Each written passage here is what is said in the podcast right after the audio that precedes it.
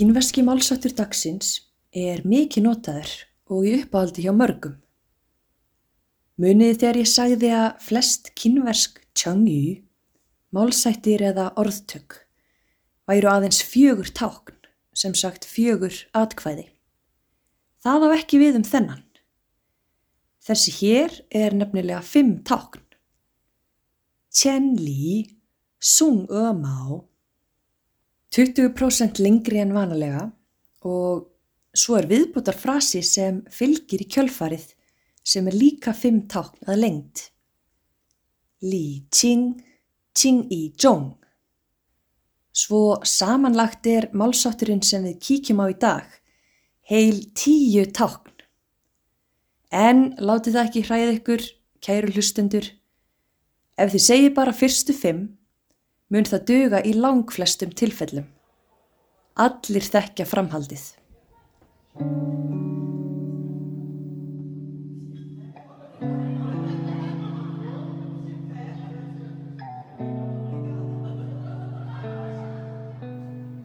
Ég heiti Þorgerður Anna Björnsdóttir og þú ert að hlusta á hlaðvarpið í Östurvegi.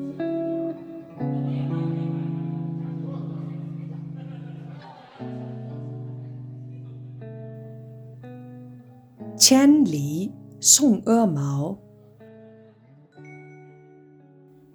Þessi er úr ljóði samið á tímum songveldisins af hinnum þekta stjórnmála og fræðimanni skrautskrifaranum Ouyang Xiu.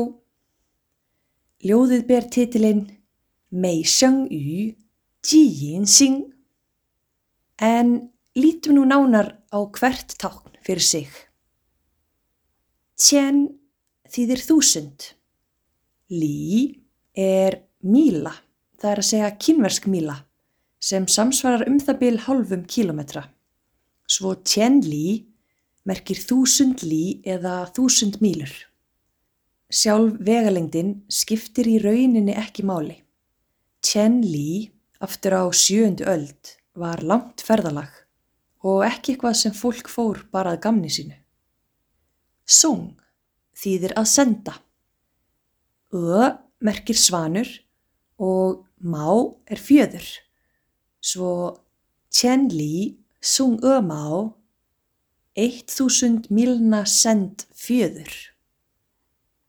Táknin sem hér standa saman virðast ekki hafa neina augljósa merkingu eins og ég hef áður sagt dæmi gert fyrir hinn kynversku tjöngju. Það hlýtur því að vera saga á bakvið þetta sem leiðir í ljós hinn að duldu merkingu og hér kemur hún. Sagan hefst fyrir rétt tæpum 1400 árum síðan. Sjönda öldin, upphaf hins magnaða og mikilfenglega tangveldis. Já, ekki allt tangtímabilið var magnað og mikilfenglegt, en mest af því. Við sögu kemur Taizong hinn mikli keisari tangveldisins, en aðalhetja dagsins var embættismadur frá svæði sem var í kringum Yunnan og Burma. Og nafn hans var Mien Bogao. Þessum embættismanni var falið af konungi sínum að koma sér í mjúkin hjá tangkeisaranum og votta honum virðingu sína með því að gera það sem öll nálag ríki og konungdæmi gerðu á þeim tíma, koma með gafir og neyja sig fyrir kínverska keisaranum. Svo þetta land sem lág að Tang Kína, þaðan sem Mien Bogao kom, vildi sína keisaranum einlægni og hotlustu. Sendiherran Mien Bogao undirbjóð sig fyrir ferð til höfuðborgar Kína á þeim tíma, borgarinnar Chang'an, þar sem borgin Xi'an stendur nú.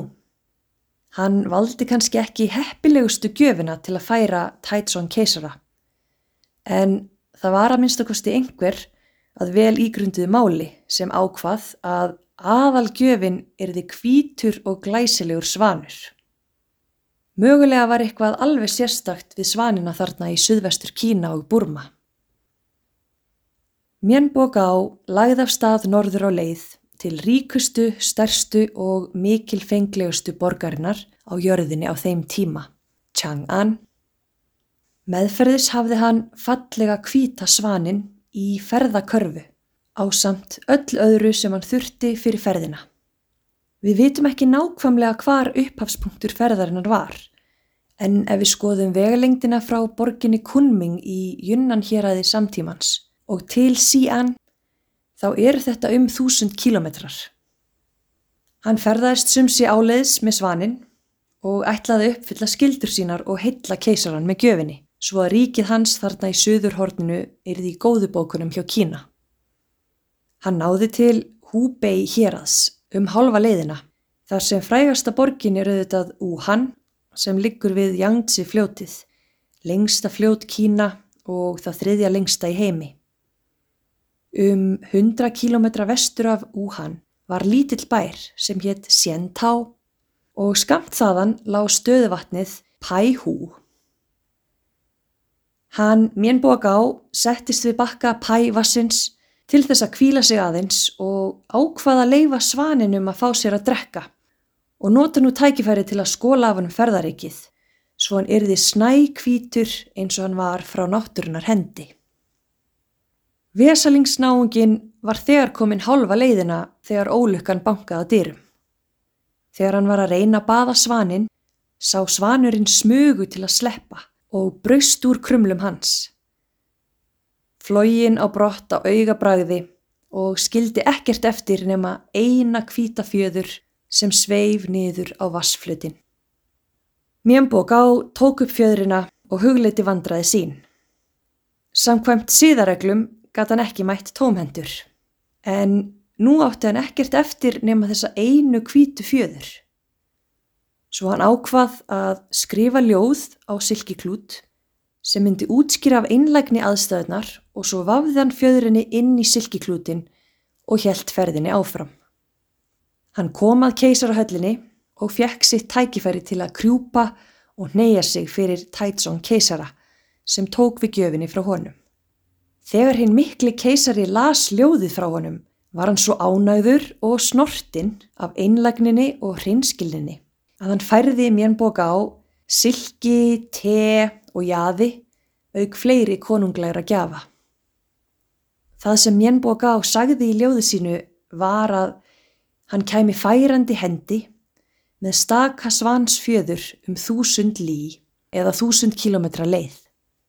Svo fylgdi hann þessum fimm táknum eftir Tjen Lí Sung Öma á með sittni hlutanum, fimm táknum til viðbótar. Lí Qing, Qing Yi Zhong. Lí er gjöf. Qing þýðir létt.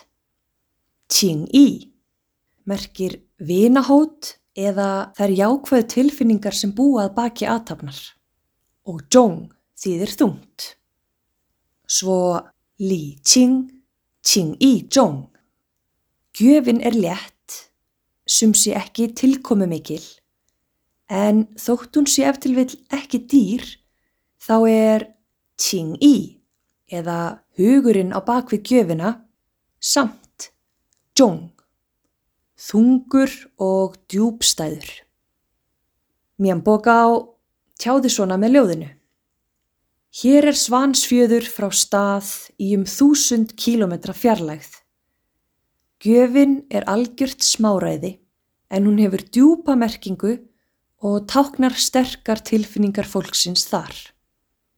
Og eins og við heyrðum hitti þetta beint í mark hjá Taizong keisara og hreyfði við tilfinningum hans. Svo hann gaf Mjönbo Gá allar þar gafir sem týðkaðist við þessi tækifæri þar sem keisaranum var vottið virðing. Svo næst þegar þú finnur eitthvað smottir í út í búð til að gefa, jafnvel bara eitthvað ódýrt en þú lagðir mikinn hug í að velja gjöfina. Þá getur þú alltaf sagt að Qian Li Sung E Mao Li Qing Qing Yi Zhong Þetta sé svansfjöður langt að komin og þótt gjöfin sé smáræði beri hún djúpa merkingu. Og ég minni á að það er feiki nóg að segja bara Qian Li Sung E Mao. Allir sem hafa kínversku móðurmáli þekkja táknin 5 sem eiga fylgja á eftir. Svo hafðu engar áhyggjur ef þú mannst þau ekki. Þessi málsáttur er góður á gjafastund. Þegar þið viljið gefa einhverjum sem ykkur er andum gjöf en gjöfin er í ódýrari kantinum. Þó hún sé tákgræn í ykkar huga. Og því í rauninni diermyd.